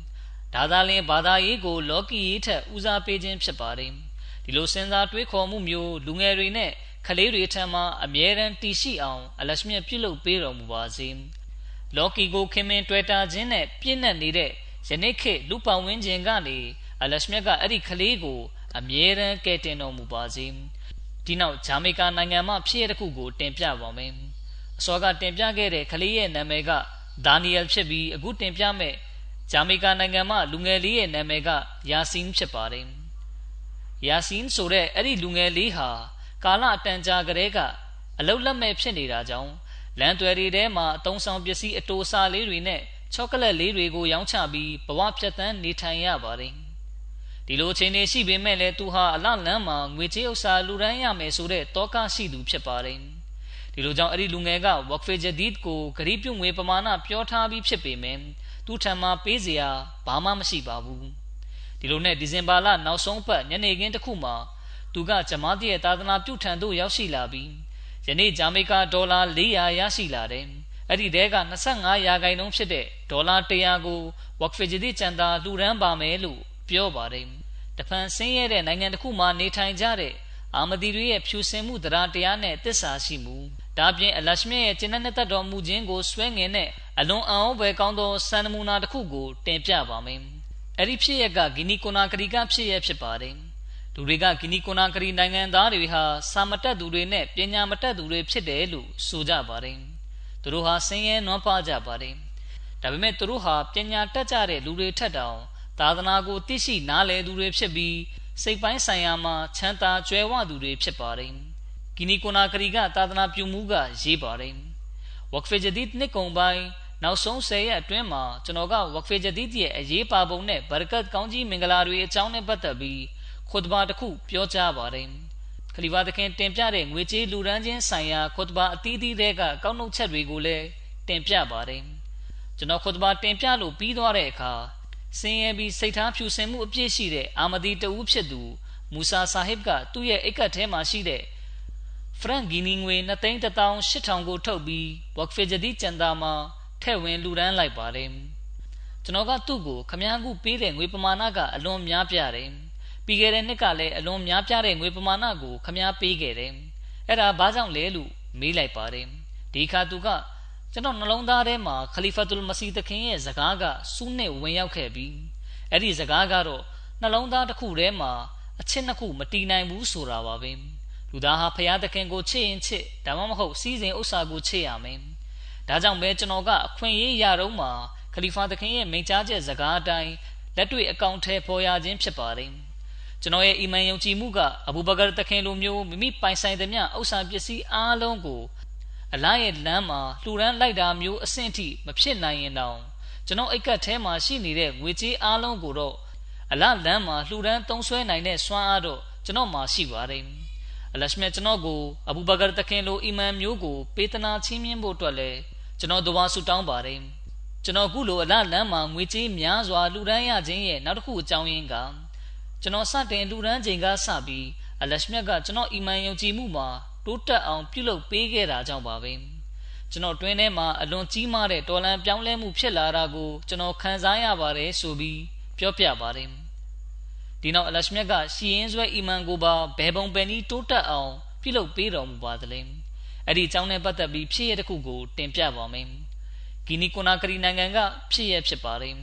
အဲ့ဒီမှာငွေကြေးအတန်အသင့်ချမ်းသာကြွယ်ဝတဲ့အာမဒီတူရှိပါတယ်သူ့နာမည်ကဟာဆန်ဆပ်ဖြစ်ပါတယ်အဲ့ဒီပုဂ္ဂိုလ်ကရေးပါတယ်ကျွန်တော်ကကျန်တာအလူငွေကိုစာရီထဲမှာထည့်ပြီးကျွန်တော်ရုံးစပွဲပေါ်မှာတင်ထားလိုက်ပါတယ် ဒါပေမဲ့အလုပ်တွေများနေတာကြောင့် Mission House တို့သွားပြီးကျန်တာငွေကို မပို့နိုင်ခဲ့ပါဘူးရုတ်တရက်သတိရသွားတာကြောင့်ကျန်တာအတွက်ဖယ်ထားတဲ့စာရိတ်ကိုကျွန်တော်ရဲ့ driver ကိုပေးပြီး Mission House တို့ပို့ခိုင်းလိုက်ပါတယ်ကျွန်တော်ကတော့အလုပ်ကိစ္စတစ်ခုကြောင့်အပြင်ထွက်သွားခဲ့ပါတယ်ကျွန်တော်အပြင်ရောက်နေချိန်မှာပဲကျွန်တော်ရုံးရဲ့ဘေးအိမ်မှာမီးလောင်ပြီးနောက်ဆုံးအဲ့ဒီအိမ်ကပြာပုံဖြစ်သွားပါတယ်ကျွန်တော်ရုံမှာမီးလောင်နေကြောင်းကျွန်တော်အသည့်တွေကကျွန်တော်စီဖုန်းဆက်အကြောင်းကြားပါတယ် ဒါပေမဲ့ကျွန်တော်စိတ်ထဲမှာဒါကဘလို့မှမဖြစ်နိုင်ဘူးဘာကြောင့်လဲဆိုရင်ငါဟာအလလန်းမှာအလူဒါနပြုတဲ့သူဖြစ်တာကြောင့်ပဲဆိုပြီးပြောနေခဲ့ပါတယ်အလရှမြရဲ့နမိတ်လက္ခဏာကိုကြည့်ပါဘေးအိမ်ကမီးလောင်ပြကြပြီးအဲ့ဒီအိမ်နဲ့ကျွန်တော်ရုံးခန်းကနိုင်ငံတစ်ချက်ပဲချပါတယ်မိကဘေးအိမ်ကိုပြာကျသွားအောင်လောင်ကျွမ်းခဲ့ပေမယ့်ကျွန်တော်ရုံးခန်းကတော့ချားထားတဲ့နိုင်ရန်ကိုမီးနှဲငယ်ဆွဲယုံမှပအပြည့်ဝဘေးကင်းခဲ့ပါတယ် ပြီးတော့အဲ့ဒီတုန်းကကုမ္ပဏီရဲ့အလွန်များပြားတဲ့ငွေကြေးတွေကလည်းကျွန်တော်ရုံမှာပဲရှိနေခဲ့တာပါနှစ်ကြိမ်တိတိအဲ့ဒီလိုအဖြစ်မျိုးနဲ့ကျွန်တော်ကြုံခဲ့ရပြီးကျွန်တော်ရုံးခန်းကတော့လုံးဝအုပ်တုံလုံခြုံဘေးကင်းခဲ့ပါတယ်အဲ့ဒီချိန်မှာပဲဒါဟာကျန်တာထက်ဝင်ခြင်းရဲ့ဘရကတ်ကြောင့်ပဲဆိုတာကိုချက်ချင်းတွေးမိလိုက်ပါတယ်။ဒါပြင်ကျွန်တော်တွေးကမစီမောဒလိုင်စလန်တခင်ရဲ့ဗျာဒိတ်ဘတ်သို့ရောက်ရှိသွားပါတယ်။အဲ့ဒီဗျာဒိတ်ကတော့မိဒီအသိကြေးကျွန်ဖြစ်သည် ထိုမြမကအသင်းနောက်လိုက်များ၏ကြေးကျွန်လည်းဖြစ်သည်ဆိုတာပါပဲ။ဒီလိုကြောင့်လက်မြက်ကမစီမောဒလိုင်စလန်တခင်ရဲ့မပြောပလောက်တဲ့ကြေးကျွန်တဦးကိုမိဘေးအန်တရေကနေကာကွယ်ပေးတော်မူခဲ့ပါတယ်။ဂမ်ဘီယာနိုင်ငံကဖြစ်ရတဲ့ခုကိုတင်ပြပါမယ်။ဂမ်ဘီယာနိုင်ငံဂျမားတီရဲ့အမီရ်ဆပ်ကရေးပါတယ်။ကျွန်တော်တို့နိုင်ငံရဲ့ဒေတာတစ်ခုကဒေတာကန်မွာလင်ဆပ်ကပြောပြပါတယ်သူတို့မျိုးကပုဂ္ဂိုလ်တယောက်ကခလီဖာသခင်ရဲ့ပြီးခဲ့တဲ့နှစ်ဝက်ဖေဂျဒီခွတ်ဘာကိုနားထောင်ရတဲ့အခါ အဲ့ဒီခွတ်ဘာထဲမှာခလီဖာသခင်ကဖြစ်စဉ်ဖြစ်ရပ်တွေကိုတင်ပြခဲ့ပြီးဝက်ဖေဂျဒီနှစ်တစ်ကိုလည်းကြေညာပါတယ်အဲ့ဒီကစောကပုဂ္ဂိုလ်ကခွတ်ဘာပြီးနောက်မှာဒလာစီငွေ9000ကိုဝက်ဖေဂျဒီကျန်တာအတွက်ဂရီးပြုခဲ့ပါတယ်ဒါပေမဲ့သူကဒလာစီငွေ1000ကိုသာထည့်ဝင်လူဒန်းနိုင်ခဲ့ပါတယ်သူကလေယာဆိုင်ခင်းလောက်ကင်တဲ့သူဖြစ်ပါတယ်။သူဆိုင်ခင်းရဲ့တီးနှံထွက်နှုံးပေါ်မူတည်ပြီးသူကကြံသာထက်ဝင်ရခြင်းဖြစ်ပါတယ်။ ဒီလိုဝက်ဖေဂျဒီကြံသာထက်ဝင်မှုကြောင့်အလရှမြတ်ကလည်းသူ့ဆိုင်ခင်းမှာဘာရကတ်တိုးပွားမှုကိုပေးသနာခဲ့တာကြောင့်ကြန့်ရှိတဲ့လက်ကျန်ဝက်ဖေဂျတိဂရီးပြုငွေတွေကိုထည့်သွင်းခဲ့ပါတယ်ပြီးခဲ့တဲ့နှစ်ကသူဟာတီးနံ10အိတ်လှူဒန်းခဲ့ပြီးဒီနှစ်မှာတော့တီးနံအိတ်90ကိုလှူဒန်းခဲ့ပါတယ်ဒီတိုင်းပဲစကားတွက်လဲတီးနံအိတ်ကြီး2အိတ်ကိုလှူဒန်းခဲ့ပါတယ်ဒီလိုလှူဒန်းမှုကြောင့်သူ့ရဲ့တီးနံကလည်းအထွက်တိုးလာခဲ့ပါတယ် ဒီအခြေအနေကိုမြင်ရတဲ့အခါအာမဒီမဟုတ်တဲ့မိတ်ဆွေတွေကတော့အာမဒီတွေပိုင်တဲ့လေယာစိုက်ခင်းမှာတီးနံအထွက်နဲနေတယ်ဆိုရင်သူတို့ကကျန်တာအလူဒါနပြုလိုက်တာနဲ့တီးနံအထွက်တိုးလာတော့တာပဲလို့တော့ပြောကြပါတယ်ဒီလိုအီမန်တိုးတက်စေတဲ့ဖြစ်ရမျိုးတွေကိုစင်ရဲနွမ်းပါတဲ့အာဖရိကနိုင်ငံတွေမှာသာကြုံတွေ့ရတာမဟုတ်ပဲချမ်းသာကြွယ်ဝတဲ့နိုင်ငံတွေမှာနေထိုင်တဲ့နောင်မပါအင်းတွေကလည်းကြုံတွေ့ကြရပါတယ်သူတို့ရဲ့အလူဒါနပြုခြင်းဆိုင်ရာ နမူနာဖြစ်ရတွေလည်းရှိပါတယ်ဂျာမနီနိုင်ငံကမိုဘလစ်ကာသနာပြုကရေးပါတယ်ဂျာမနီနိုင်ငံဂျမန်တစ်ခုမှာကျန်တာလူဒါနထဲ့ဝင်ဖို့ကျန်တာလူဒါနကိုတိုးမြင့်လူဒန်းကြဖို့အတွက်နှိုးဆော်တိုက်တွန်းပါတယ်အဲဒီခါမှာဂျာမန်လူမျိုးဖြစ်တဲ့ဂျမတ်ဆဒရီရဲ့ဇနီးကကျန်တာလူဒါနကိုတိုးမြင့်ပေးဖို့အတွက်ဒီလိုအဖြစ်ကျန်တာလူဒါနကိုတိုးမြင့်ပေးကမ်းသူတွေထဲမှာအပါဝင်ဖြစ်သွားဖို့အတွက်စီစဉ်ပါတယ် သူမကအလွန်ဖြူစင်တဲ့ဂျာမန်မျိုးသမီးတဦးဖြစ်ပါတယ်ဒီလိုကြောင့်သူမကယူရိုငွေ19000ကိုဝက်ဖေဂျဒီကျန်တာအတွက်အလူငွေဖြစ်ထည့်ဝင်လှူဒန်းခဲ့ပါတယ်သူမကဒီငွေကိုမော်တော်ကားဝယ်ဖို့ဖယ်ထားခဲ့ခြင်းဖြစ်ကြောင်းဒါပေမဲ့ကျမတို့နယ်မြေဂျမားတီရဲ့နာမည်ကိုခလီဖာသခင်တည်သွားစီလိုတဲ့ရည်ရွယ်ချက်ကြောင့်ကျန်တာထည့်ဝင်လိုက်ခြင်းဖြစ်ကြောင်းဒါပြင်လက်ရှမေကျင်းတဲ့တက်တော်မူခြင်းကိုလည်းရရှိခြင်းလို့ဖြစ်ကြောင်းပြောပါတယ် ဒီနောက်ဂျာမနီနိုင်ငံကပဲចောင်းသားတယောက်ရဲ့ဖြစ်ရပ်ကိုတင်ပြပါမယ်ဂျာမနီနိုင်ငံကအာမဒီចောင်းသားလေးကဝက်ဖေဂျဒီကျန်တာအတွက်ယူရိုငွေ900ကိုဂရိပြုခဲ့ပါတယ်သူ့ရဲ့မိဘတွေကယူရိုငွေ900ကိုအသင်ကဘယ်လိုလုပ်ထည့်ဝင်နိုင်မလဲဆိုပြီးမေးကြပါတယ်အဲ့ဒီចောင်းသားလေးကလည်းဘယ်လိုပဲဖြစ်ဖြစ်ထဲ့ဝင်မှဖြစ်ကြောင်းပြောခဲ့ပါတယ်ဒီတော့လက်ရှမြတ်ဘက်ကနေကုညီဆောင်မမှုကိုရရှိခဲ့ပါတယ်ဂရီပြုငွေတတ်မှတ်ပြီးနောက်မှာအဲ့ဒီចောင်းသားရဲ့တက္ကသိုလ်ကနေ သူ့ထံဖုန်းဝင်လာပြီးចောင်းသားအယောက်40ကိုရွေးချယ်ပြီးအဲ့ဒီအယောက်40ကိုတက္ကသိုလ်ကလက်ဆောင်ငွေပေးရသွားမှာဖြစ်ကြောင်းဒီအတွက်ဘဏ်အကောင့်နံပါတ်ကိုလည်းပေးရမှာဖြစ်ကြောင်းဒီလိုအားဖြင့်အဲ့ဒီအကောင့်ထဲသို့လက်ဆောင်ငွေထည့်ပေးဖို့ဖြစ်ကြောင်းလက်ဆောင်ငွေကယူရိုငွေ1000ဖြစ်ကြောင်းပြောပါတယ်ဒီလိုနီးနဲ့အလရှမြတ်ကသူ့ကိုဝက်ဖေဂျဒီချန်တာမှာသူဂရီးပြုထားတဲ့ငွေထက်နှစ်ဆကိုပေးရခဲ့ပါတယ်။ တပန်ဗြိတိန်နိုင်ငံဂျမတ်ရဲ့ဆွန့်လွတ်လူဒန်းချင်းဆိုင်ရာနမူနာဖြစ်ရပ်ကိုတင်ပြပါမယ်။ဗြိတိန်ဂျမတ်ရဲ့အဖွဲ့ဝင်တဦးကဝက်ဖေဂျဒီဂရီးပြုငွေကိုမိမိမှာရှိသလောက်ထည့်ဝင်ခဲ့ပြီးအပြည့်ထည့်ဝင်နိုင်ဖို့ငွေနှဲငယ်လိုနေပါတယ်။အဲ့ဒီတောတွင်းမှာနယ်မြေအကောက်ခွန်ဌာနကနေသူစီကိုအခွန်ငွေကောက်ခံမှုအတွက်စာရောက်လာပါတယ်။အဲ့ဒီခွန်ငွေကိုဘယ်လိုပေးဆောင်ရမလဲဆိုတာကိုစဉ်းစားနေချိန်အတွင်းမှာပဲ work fragility ဌာနကနေ သူ့ထံကြံသာထည့်ဝင်ဖို့နှိုးဆော်မှုရောက်လာပါတယ်ဒီလိုကြောင့်သူကဥစွာ work fragility ကြံသာကိုထည့်ဝင်လိုက်ပါတယ်နောက်တနေ့ရောက်တော့အကောက်ခွန်ဌာနကနေစာထက်ရောက်လာပါတယ်စာထဲမှာကျွန်တော်တို့ဘက်ကမှားယွင်းပြီးစာပို့မိတာဖြစ်ကြောင်းလူကြီးမင်းဘက်ကအခွန်ငွေပေးရမှာမဟုတ်ပဲကျွန်တော်တို့ဘက်ကပေးရမှာဖြစ်ကြောင်းရေးထားပါတယ်ဝက်ဖေဂျဒီချန်ဒါကိုအဲ့ဒီပုဂ္ဂိုလ်ထက်ဝင်လိုက်တဲ့ငွေပမာဏထက်ဆယ်ဆများပြားတဲ့ငွေကို အကောက်ခွန်ဌာနကနေရရှိခဲ့ကြောင်းသူကပြောပြပါတယ်ဒီလိုနီလန်းနဲ့လဲလက်ရှမက်ကအီမန်ယုံကြည်မှုကိုတိုးတက်ခိုင်မာလာစေဖို့မိမိပေးလိုက်တဲ့ငွေထက်အစာပေါင်းများစွာတိုးပွားပြီးပြန်လည်ပေးတော်မူလေးရှိပါတယ်တဖန်လက်ရှမက်ကချက်ချင်းပြန်လည်ပေးသနာတော်မူတဲ့နမူနာဖြစ်ရတဲ့ခုကိုတင်ပြပါမယ်အိန္ဒိယနိုင်ငံမှာဝက်ဖေဂျဒီချန်တာကောက်ခံသူကရေးပါတယ်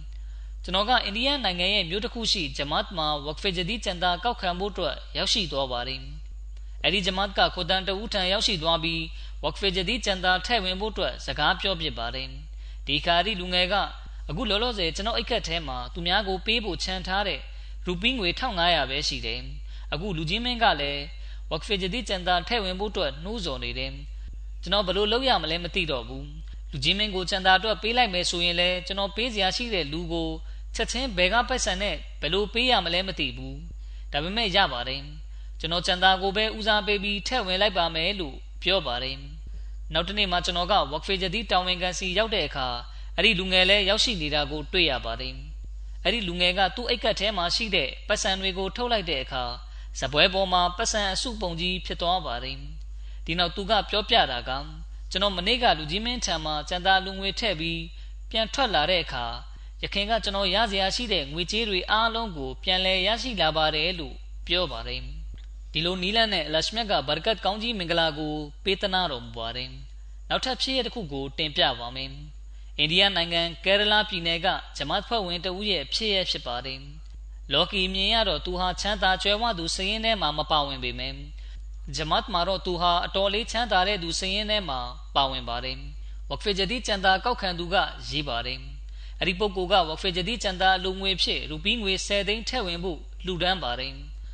သူဇနီးကခရိယန်ဘာသာကနေအာမဒီဖြစ်လာတဲ့သူဖြစ်ပါတယ်သူမကအာမဒီဖြစ်ပြီးနောက်မှာတဝါဆူတောင်းခြင်းနဲ့နမတ်ပြုခြင်းမှာလွန်စွာစိတ်အားထက်သန်သူလည်းဖြစ်ပါတယ်အလွန်ဖြူစင်မှုတရားတရားရှိသူလည်းဖြစ်ပါတယ် သူမကမူစီဝစီယပြုလုပ်ထားသူလည်းဖြစ်ပါတယ်သူတို့ဇနီးမောင်နှံနှစ်ဦးစလုံးကမူစီတွေဖြစ်ပါတယ်ကျွန်တော်ကသူတို့အိမ်ကိုရောက်တဲ့အခါသူ့ဇနီးကရူပီးငွေ9သိန်းကိုချက်လက်မဖြတ်ပြီးဝက်ဖေဂျဒီကျန်တာဖြစ်ထည့်ဝင်ပါတယ်ဒီအခါကျွန်တော်ကသူမကိုလူချင်းမင်းရဲ့ခင်မုန်းကကျန်တာအတွက်ရူပီးငွေ10သိန်းထည့်ဝင်ပြီးဖြစ်ပါတယ်လို့ပြောတဲ့အခါသူမကကျမတို့ရရှိသမျှအရာရာတိုင်းကကျန်တာထည့်ဝင်ခြင်းဘရကတ်ကြောင့်ရရှိခြင်းဖြစ်ပါတယ် ဒါကြောင့်ကျမစိတ်မှာအချိန်ချင်းအခါကကျန်တာအလူငွေပေးခြင်းနေတဲ့စိတ်ဖြစ်ရတာပါကျန်တာထက်ဝင်ခြင်းကြောင့်ပဲကျမတို့ရဲ့စီးပွားရေးလုပ်ငန်းမှာဘာကတ်ရရှိခြင်းဖြစ်တယ်ဒီလိုကြောင့်ကျမတို့ကျန်တာထက်ဝင်ခြင်းကိစ္စကိုဘယ်တော့မှလက်တွန့်မှာမဟုတ်ဘူးလို့ပြောပါတယ်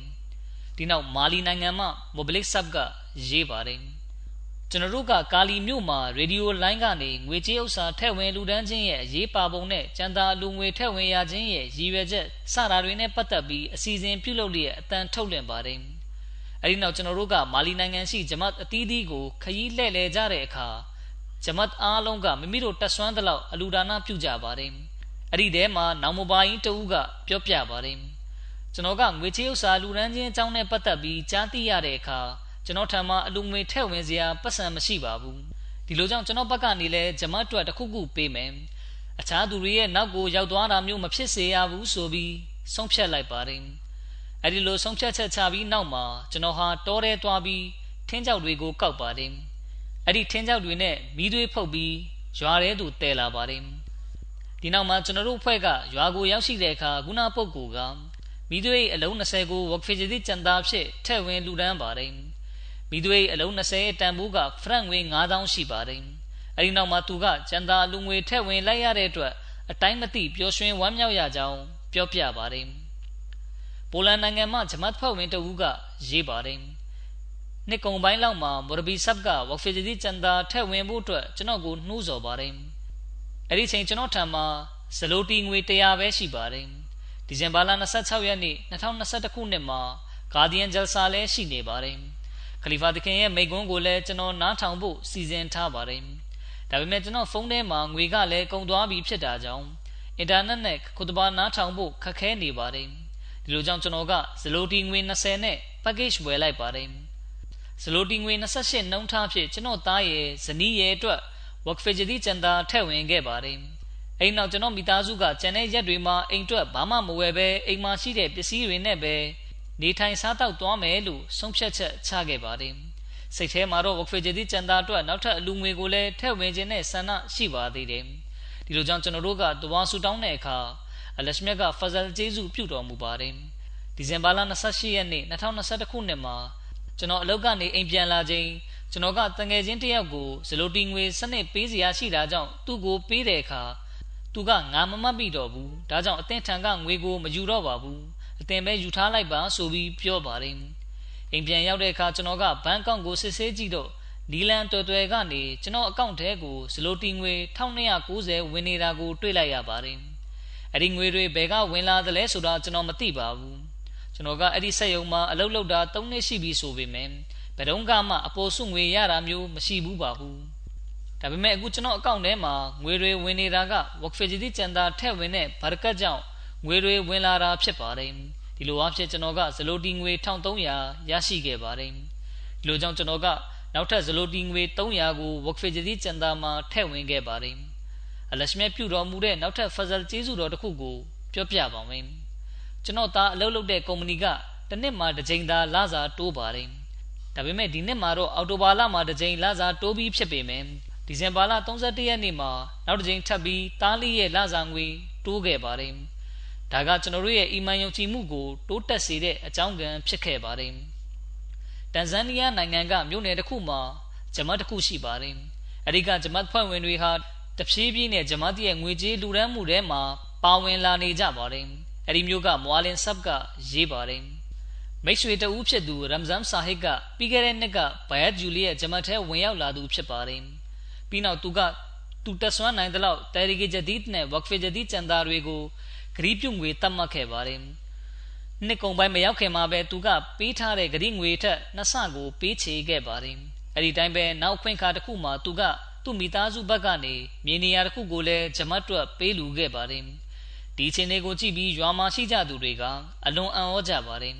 တချို့ကဆိုရင်ကြည်စဲတဲ့အနေနဲ့ဒီပုဂ္ဂိုလ်ကတော့အလင်းလိုစိတ်ဆောပြီးမိမိပိုင်ဆိုင်သမျှအားလုံးကိုသာသနာလမ်းတော်မှာလှူဒန်းပစ်လိုက်မယ်နဲ့တူတယ်လို့ပြောကြပါတယ်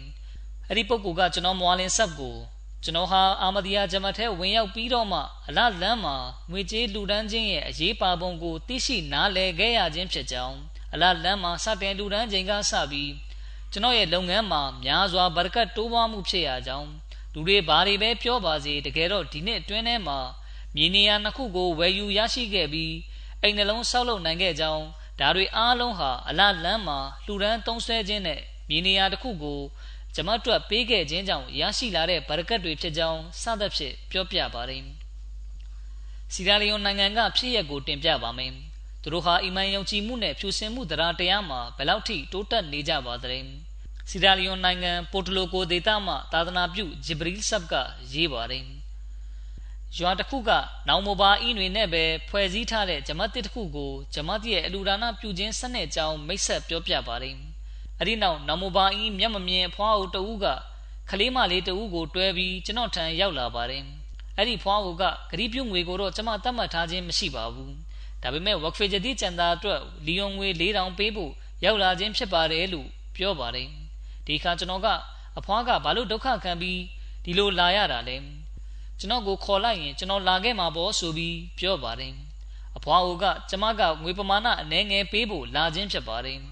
အဲ့ဒီလိုမပြောပလောက်တဲ့ငွေချေးကိုကျမကလူကြီးမင်းကိုအိမ်ခေါ်ပြီးဘယ်လိုလုပ်ပေးရပါမလဲကျမကဆဝပ်အကျိုးကုသိုလ်အားလုံးကိုလိုချင်တာကြောင့်ကုလိုကိုယ်တိုင်လာပေးခြင်းဖြစ်ပါတယ်ဆိုပြီးပြောပါတယ်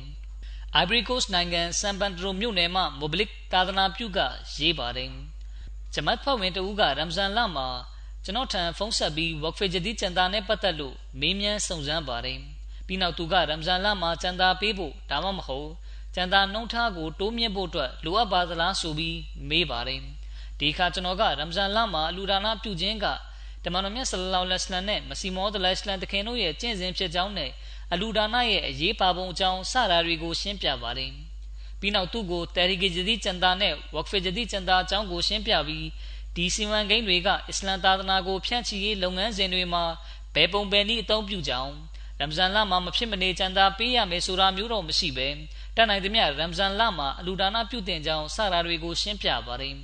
ဒီခါမူလကပင်ပုံမှန်ကျန်တာပေးလာနေတဲ့အဲ့ဒီပုဂ္ဂိုလ်ကရမ်ဇန်လတစ်ခုတည်းမှာသာမဟုတ်ပဲလာစဉ်ပုံမှန်ဖရန့်ငွေ3000ကိုထပ်တိုးပြီးအထူးသဖြင့်တယ်ရီဂီဂျဒီဒ်နဲ့ဝက်ဖီဂျဒီဒ်အတွက်ပေးလူသွားမယ်အကြောင်းဒီနှစ်မှာလည်းနှစ်ကုန်တဲ့အထိဝက်ဖီဂျဒီကျန်တာကို နောက်ထပ်လဲတိုးပြီးပေးဦးမှာဖြစ်ကြောင်းဂရိပြုပြောကြားသွားပါတယ် အဲ့ဒီရမ်ဇန်လကစပြီးသူဟာလစဉ်ပုံမှန်ကျန်တာအလူငွေကိုတောကတစ်ခုနဲ့လာပေးတတ်ပါတယ်ဝက်ဖေဂျဒီစီမံကိန်းအောက်ကနေတုံးဆွဲတိဆောက်ခဲ့တဲ့အကြောင်းအရာတွေကိုတင်ပြပါမယ်ပြီးခဲ့တဲ့နှစ်မှာလရှမြက်ကကဘာနဲ့အဝန်းမှာမစဂျစ်ဝစ်ကျောင်းတော်ပေါင်း188လုံးကိုတိဆောက်ခွင့်ပေးသနာခဲ့ပြီးလက်ရှိအာဖရိကတိုက်မှာမစဂျစ်ဝစ်ကျောင်းတော်105လုံးကိုဆောက်လုပ်လျက်ရှိပါတယ် ဒါပြင်ကဘာတဝန်းမှာ Mission House အလုံးပေါင်း144လုံးတည်ဆောက်နိုင်ခဲ့ပါတယ်။ Mission House အတော်များများကို အာဖရိကတိုက်မှာဆောက်လုပ်ခြင်းဖြစ်ပါတယ်။လက်ရှိ Mission House 45လုံးကဆောက်လုပ်လျက်ရှိပါတယ်။တချို့နေရာတွေမှာ Mission House တွေကိုချက်ချင်းမဆောက်လုပ်နိုင်သေးတာကြောင့်အဆောက်အုံတချို့ကိုငှားရမ်းရပါတယ်။အာဖရိကတိုက်မှာပဲ Mission House နဲ့ Morabi House တွေအလုံးပေါင်း932လုံးကိုငှားရမ်းရပါတယ်။ ဒီတိုင်းပဲအာရှတိုက်တခွင်မှာလည်း Mission House အလုံးပေါင်း632လုံးကိုငှားရမ်းထားပါတယ်။ဝက်ဖီဂျဒီချန်တာအများစုကို အာဖရိကတိုက်မှာအသုံးပြုရကြောင်းကိုလည်းတင်ပြလိုပါတယ်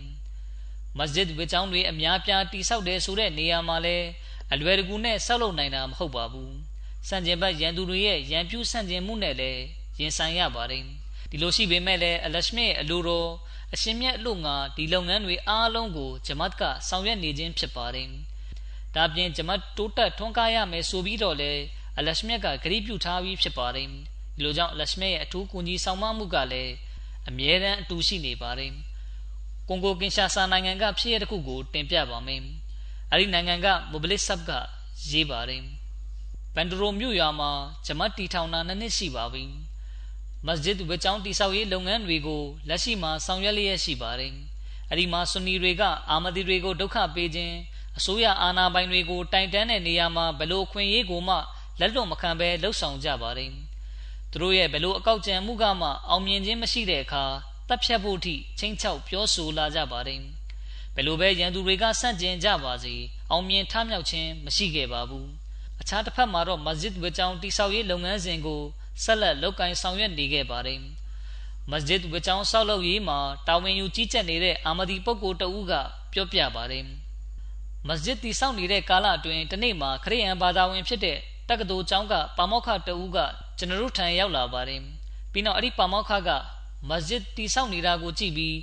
အာမဒီတွေနဲ့အတူအလုပ်လုပ်ပေးပါတယ်တချို့ခါတွေမှာအာမဒီလုပ်သားတွေကအလွန်ဝေးလံတဲ့နေရာတွေကနေတဲတွေကိုယူလာတဲ့အခါသူကလည်းတဲပုံးတွေကိုတဲလာပေးပါတယ်တစ်ဖက်မှာကစန့်ကျင်ဘက်ရန်သူတွေဟာမိမိတို့လုပ်ရမယ့်စန့်ကျင်မှုတွေကိုအစွမ်းကုန်ပြုလုပ်နေကြပြီး အခြားတစ်ဖက်မှာ လက်ရှမြက်က အာမဒီမဟုတ်တဲ့ အခြားသူတွေအားဖြင့်လည်း ကူညီဆောင်မလျက်ရှိပါတယ် ဒီနောက် ကင်မရွန်နိုင်ငံက ဖြစ်ရတဲ့ခုကို တင်ပြပါမယ် ကင်မရွန်နိုင်ငံမှာ မွတ်စလင်တွေအများစုနေထိုင်တဲ့ မြို့တစ်ခုရှိပါတယ် လွန်ခဲ့တဲ့ နှစ်နှစ်က အဲ့ဒီမြို့မှာ ဂျမတ်ကိုတီထောင်ခဲ့ခြင်းဖြစ်ပါတယ် အဲ့ဒီမြို့မှာ မစဂျစ်ဝေချောင်း စတင်တီဆောက်တဲ့အခါ မြို့တော်ဝန်ထံကနေ မစဂျစ်ဆောက်နေတာကို ရပ်လိုက်ဖို့ အမိန့်စာရောက်လာပါတယ် ဒီလိုကြောင့် ဂျမတ်က ဆောက်လုပ်ရေးလုပ်ငန်းကို ရပ်လိုက်ရပါတယ် စုံစမ်းကြည့်လိုက်တဲ့အခါ အဲ့ဒီမြို့က မွတ်စလင်အစည်းအရုံးတစ်ခုက မြို့တော်ဝင်နဲ့စီပင်အလုံးမှုဆောင်တွေကို ဒီဂျမတ်ဖွဲ့စည်းက အကြမ်းဖက်အဖွဲ့ဖြစ်ကြောင်း သူတို့ဟာ အစ္စလာမ်နဲ့ သက်ဆိုင်မှုမရှိကြောင်း ဒါကြောင့် သူတို့ဟာ မစဂျစ်တိဆောက်ခွင့်မရှိကြောင်း စသဖြင့် စာရေးတိုင်ကြားခဲ့ခြင်းဖြစ်ကြောင်း သိခဲ့ရပါတယ်။ဒါက မော်လဝီတွေရဲ့ မဟုတ်မမှန် ဝါဒဖြန့်မှုကြောင့် ဖြစ်လာရခြင်းပါပဲ။အဲဒီနောက်မှာ သူတို့က ကျွန်တော်ထံသဝါစာလဲရေးကြပြီး အစိုးရဘက်က တာဝန်ရှိသူတွေနဲ့လည်း အဆက်အသွယ်တွေ ပြုလုပ်ကြပါတယ်။ ဒီလိုနဲ့တလားကြတဲ့အခါမှာမြို့တော်ဝင်ကအာမဒီတွေဘက်ကတာဝန်ရှိသူတွေကိုဆင့်ခေါ်လိုက်ပြီးမွတ်စလင်တွေတဲကအစည်းအရုံးတွေအမှန်အကြီးကဲခေါင်းဆောင်တွေကိုပါဆင့်ခေါ်လိုက်ပါတယ်။အားလုံးစုံလင်စွာလာရောက်ပြီးနောက်မြို့တော်ဝင်ကအစီရင်ခံစာကိုဖတ်ပြပါတယ်။မစဂျစ်တိဆောက်ရေးရဆိုင်ထားခိုင်းရခြင်းအကြောင်းနဲ့ပတ်သက်ပြီးအသင်တို့တိဆောက်နေတဲ့မစဂျစ်ဝကြောင်းတိဆောက်ရေးလုပ်ငန်းကိုမွတ်စလင်အစည်းအရုံးရဲ့တောင်းဆိုမှုကြောင့်ကျွန်တော်တို့ကရက်တန့်ခိုင်းလိုက်တာမှန်တယ်။ အဲ့ဒီနောက်ပိုင်းမှာကင်မရွန်နိုင်ငံအနှံပြားကနေအသင်တို့ဂျမတ်နဲ့ပတ်သက်တဲ့အချက်လက်အားလုံးကိုတောင်းယူခဲ့တယ်။အဲ့ဒီမှာအာမဒီယာဂျမတ်ကအပြည်ပြည်ဆိုင်ရာဂျမတ်တစ်ခုဖြစ်ကြောင်း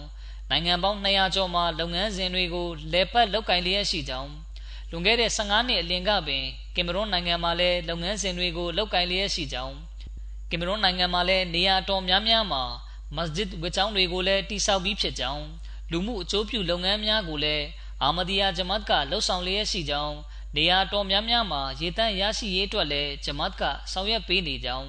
မိဘမဲ့တွေကိုပြုစုပြိုးထောင်ပေးလျက်ရှိကြောင်းကျောင်းသားတွေကိုပညာတိုးတက်ဖို့ကူညီပေးလျက်ရှိကြောင်းထိုနည်းတူအကျန်းဖတ်အဖွဲ့တွေနဲ့ဆန့်ကျင်ပြီးတော့လည်းအမြဲတမ်းရှေ့တန်းကပြောဆိုတင်ပြလျက်ရှိကြောင်းအာမဒီယာဂျမတ်ကငြိမ်းချမ်းရေးနဲ့တန်တူညီမျှမှုကိုအထူးအလေးပေးတွင်တင်လျက်ရှိကြောင်းဒါလန်လက်နက်ဆွဲကင်တိုက်ပွဲဝင်ရတဲ့ဂျီဟတ်ကမရှိတော့ဘဲ ကလောင်ကင်ကတိုက်ပွဲဝင်ရတဲ့ဂျီဟတ်သာရှိသည်ဟုအာမဒီယာဂျမတ်ကယုံကြည်ကြောင်းစတဲ့အကြောင်းအရာတည်တည်ကို ပြောပြပါတယ်။ဒါပြင်မြို့တော်ဝင်ကအာမဒီယာဂျမတ်ထဲသို့ရှင်ဘရင်များအကြီးအကဲများကပင်ဝင်ရောက်ကြကြောင်းကိုလည်းအစီရင်ခံစာမှာထည့်သွင်းပြောဆိုခဲ့ပါတယ်။အဲဒီနောက်မြို့တော်ဝင်ကဒီလိုကောင်းမွန်တဲ့လုပ်ငန်းစဉ်တွေကိုလှုပ်ဆောင်နေတဲ့ဂျမတ်ကိုမစဂျစ်ဝေကျောင်းတိဆောက်ခွင့်မပေးစရာဘာအကြောင်းမှမရှိဘူးဆိုပြီးပြောပါတယ်။ မြို့တော်ဝင်ရဲ့တင်ပြချက်ပြီးဆုံးသွားတဲ့အခါခမ်းမာတဲ့ရောက်ရှိနေကြတဲ့မွတ်စလင်ခေါင်းဆောင်တွေအားလုံးကထားရက်လိုက်ကြပြီးသူတို့ကကာဖာမယုံကြည်တွေ့ဖီသူတွေဖြစ်တယ်ကျွန်တော်တို့ကလည်းသူတို့ကိုကာဖာလို့ပဲတတ်မှတ်တယ်အခုလူကြီးမင်းဖတ်ပြတဲ့အစီရင်ခံစာကလည်းကျွန်တော်တို့ကိုမမေးပဲပြုလုပ်ခဲ့ခြင်းဖြစ်တာကြောင့်ကျွန်တော်တို့အဲ့ဒီအစီရင်ခံစာကိုလည်းလက်မခံနိုင်ဘူးလို့ပြောကြပါတယ်ဒီဒီခါမြို့တော်ဝင်ကဒေါသဖြစ်သွားပြီးသူတို့အားလုံးကို ကျွန်တော်လုပ်ရမယ့်လုပ်ကိုကျွန်တော်သိတယ်ခမားတို့အားလုံးဒီကနေထွက်သွားကြလို့ပြောလိုက်ပါတယ်ဒီလိုနဲ့သူတို့အားလုံးနှုတ်ဆက်သွားကြပါတယ်အဲဒီနောက်မှာမြို့တော်ဝင်ကအာမဒီတွေကိုခမားတို့ကိုမစဂျစ်တိဆောက်ခွင့်ပြုပါတယ်လို့ပြောပါတယ်အာမဒီယာဂျမားတီရဲ့အလုတ်ကျွေးပြုမှုတွေကကောင်းမွန်တဲ့တက်ရောက်မှုတွေဖြစ်ထွန်းပြီးအဲ့ဒါကပဲအသိဉာဏ်ရှိတဲ့လူတိုင်းကိုမဖြစ်မနေဂျမတ်အားချီးမွမ်းလာရအောင်ပြုလုပ်ပါတယ်အလရှမြဲကျင်းတဲ့တတ်တော်မူခြင်းကိုရရှိဖို့အတွက် လုပ်ငန်းတွေကိုဆောင်ရွက်တဲ့အခါမှာအလရှမြတ်ကကူညီဆောင်မဖို့အတွက်မိမိရဲ့တပ်မဟာကိုဆေလွတ်တော်မူပါတယ်အဲဒီနောက်အရှင်မြတ်ကိုရောတိုင်းကစန့်ကျင်ဘက်ရန်သူတွေရဲ့ရန်ပြုစန့်ကျင်မှုတွေကိုဝေးကွာအောင်ဖယ်ရှားပေးတော်မူပါတယ်အလရှမြဲဖဇလ်ကျေးဇူးတော်တွေကဘဲပုံဘဲနီးတိုးတက်များပြားလာလေးရှိပါသလဲအဲ့ဒီအကြောင်းနဲ့ဆက်နွယ်ပြီးအဖြစ်အပျက်တစ်ခုကိုတင်ပြပါမယ်။ဂါနာနိုင်ငံရှိဒေသတစ်ခုမှာဖြစ်ပျက်ခဲ့တဲ့ဖြစ်ရပ်တစ်ခုဖြစ်ပါတယ်။ ဂါနာနိုင်ငံရှိတဘလစ်တာဝန်ခံကရေးပါတယ်။ဂါနာနိုင်ငံရဲ့အဲ့ဒီဒေသမှာလူဦးရေ60ကျော်ကဘိုင်ယက်ဂျူလီရဲ့ဂျမတ်ထဲသို့ဝင်ရောက်လာပါတယ်။အဲ့ဒီရွာမှာအုတ်မြေနဲ့ဆောက်လုပ်ထားတဲ့ဂျမတ်ပိုင်သေးငယ်တဲ့ဝကျောင်းတစ်ခုရှိပါတယ်။အာမဒီမဟုတ်တဲ့မွတ်စလင်တွေကကျွန်တော်တို့ဂျမတ်ရဲ့အောင်မြင်မှုကိုကြည့်ပြီးမနာလိုလျက်ကျွန်တော်တို့မစဂျစ်ဝကျောင်းရှိမှာအလွန်ခိုင်ခန့်ပြီးကြီးမားလှပတဲ့မစဂျစ်ဝကျောင်းတစ်ခုကိုဆောက်လုပ်ပါတယ်။ အဲ့ဒီမစဂျစ်ဝကျောင်းကိုအကြောင်းပြုပြီးသူတို့ကကျွန်တော်တို့ရဲ့နောင်မဘာအင်းတွေကိုမိတို့ဘက်သို့ဆွဲဆောင်ဖို့ကြိုးစားကြပါတယ်။အီမန်အားနဲ့တဲ့နောင်မဘာအင်းတချို့ဆိုရင်သူတို့ဘက်ကိုရောက်ရှိသွားခဲ့ကြပါတယ်။နောက်ပိုင်းမှာဂျမတ်ကလည်းအလွန်ကောင်းမွန်ပြီးကြီးကျယ်ခမ်းနားတဲ့မစဂျစ်ဝကျောင်းတစ်လုံးကိုဆောက်လုပ်လိုက်ပါတယ်။အခုဆိုရင်လရှမဲဖဇလ်ချီဇူတော်နဲ့ကျွန်တော်တို့ရဲ့ဂျမတ်ဖောက်ဝင်တွေကလည်းအဲ့ဒီမစဂျစ်ဝချောင်းတော်ကိုလာကြယုံတာမက အာမဒီမဟုတ်တဲ့သူတွေထဲကလည်းအရေးတွက်များစွာ လာရောက်ကြပါတယ်ဒီလိုနဲ့ကျွန်တော်တို့ရဲ့မစဂျစ်ဝချောင်းကနမတ်ပြုသူတွေနဲ့ပြည့်နေနေပြီးသူတို့မစဂျစ်ကလူတွေလာရောက်တာအလွန်နှဲပါသွားပါတယ်ကျွန်တော်တို့ရဲ့မစဂျစ်မှာနောင်မဘာအီနေအတွက်တင်နန်းတွေကိုလည်းဖွင့်လှစ်တင် जा ပေးလျက်ရှိပါတယ်ဒီလိုအဖြစ်ဂျမတ်ဟာနေ့စဉ်တိုးတက်ထွန်းကားလျက်ရှိနေပါတယ် အလရှမြဲဖဇလ်ကျေးဇူးတော်တွေဂျမတ်ပေါ်မှာဘယ်လိုပို့ချသလဲဆိုတဲ့များစွာသော ဖြစ်စဉ်ဖြစ်ရတွေရှိပါသေးတယ်။အလရှမြဲကမိမိပြုထားတဲ့ဂရီတော်ကို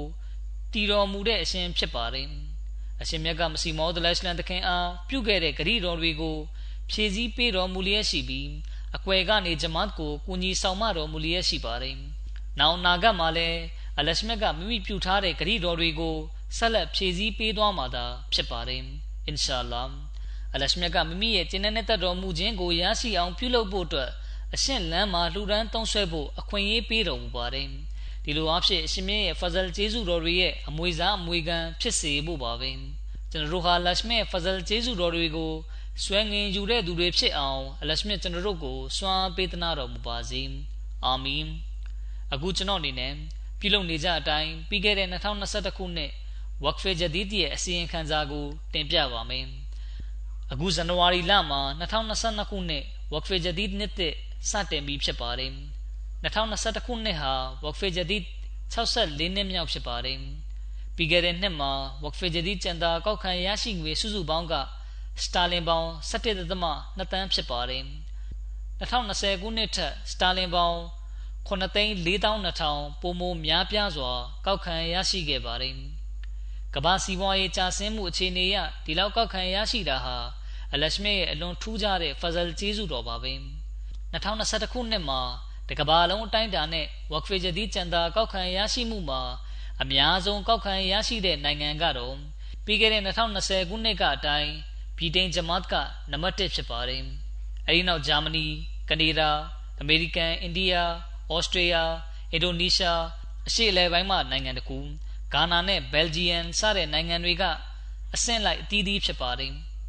ပါကစ္စတန်နိုင်ငံရဲ့ငွေကြေးကအလွန်နှိမ့်ဆင်းသွားတာကြောင့်ပါကစ္စတန်နိုင်ငံကအဆင့်အားဖြင့်နောက်ဆုံးတန်းကိုရောက်ရှိသွားပါတယ်ဒီလိုရှိပေမဲ့လည်းပါကစ္စတန်နိုင်ငံကအာမဒီတွေဟာမိမိတို့တက်ဆွမ်းသမျှကော်ဘာနီဆွန့်လွတ်လူဒန်းမှုတွေကိုပြုလုပ်လျက်ရှိပါတယ်2021ခုနှစ်မှာဗြိတိန်ဂျမတ်ကများစွာလူဒါနာပြုခဲ့ပြီးဗြိတိန်နဲ့ဂျာမနီကအဆင့်အားဖြင့်ရှေ့ဆင့်နောက်ဆင့်ဆိုပေမဲ့လူဒန်းမှုပမာဏအရအလွန်ကွာဟပါတယ် တဦးချင်းနှုံထားများစွာထည့်ဝင်ကြတဲ့နိုင်ငံတွေမှာ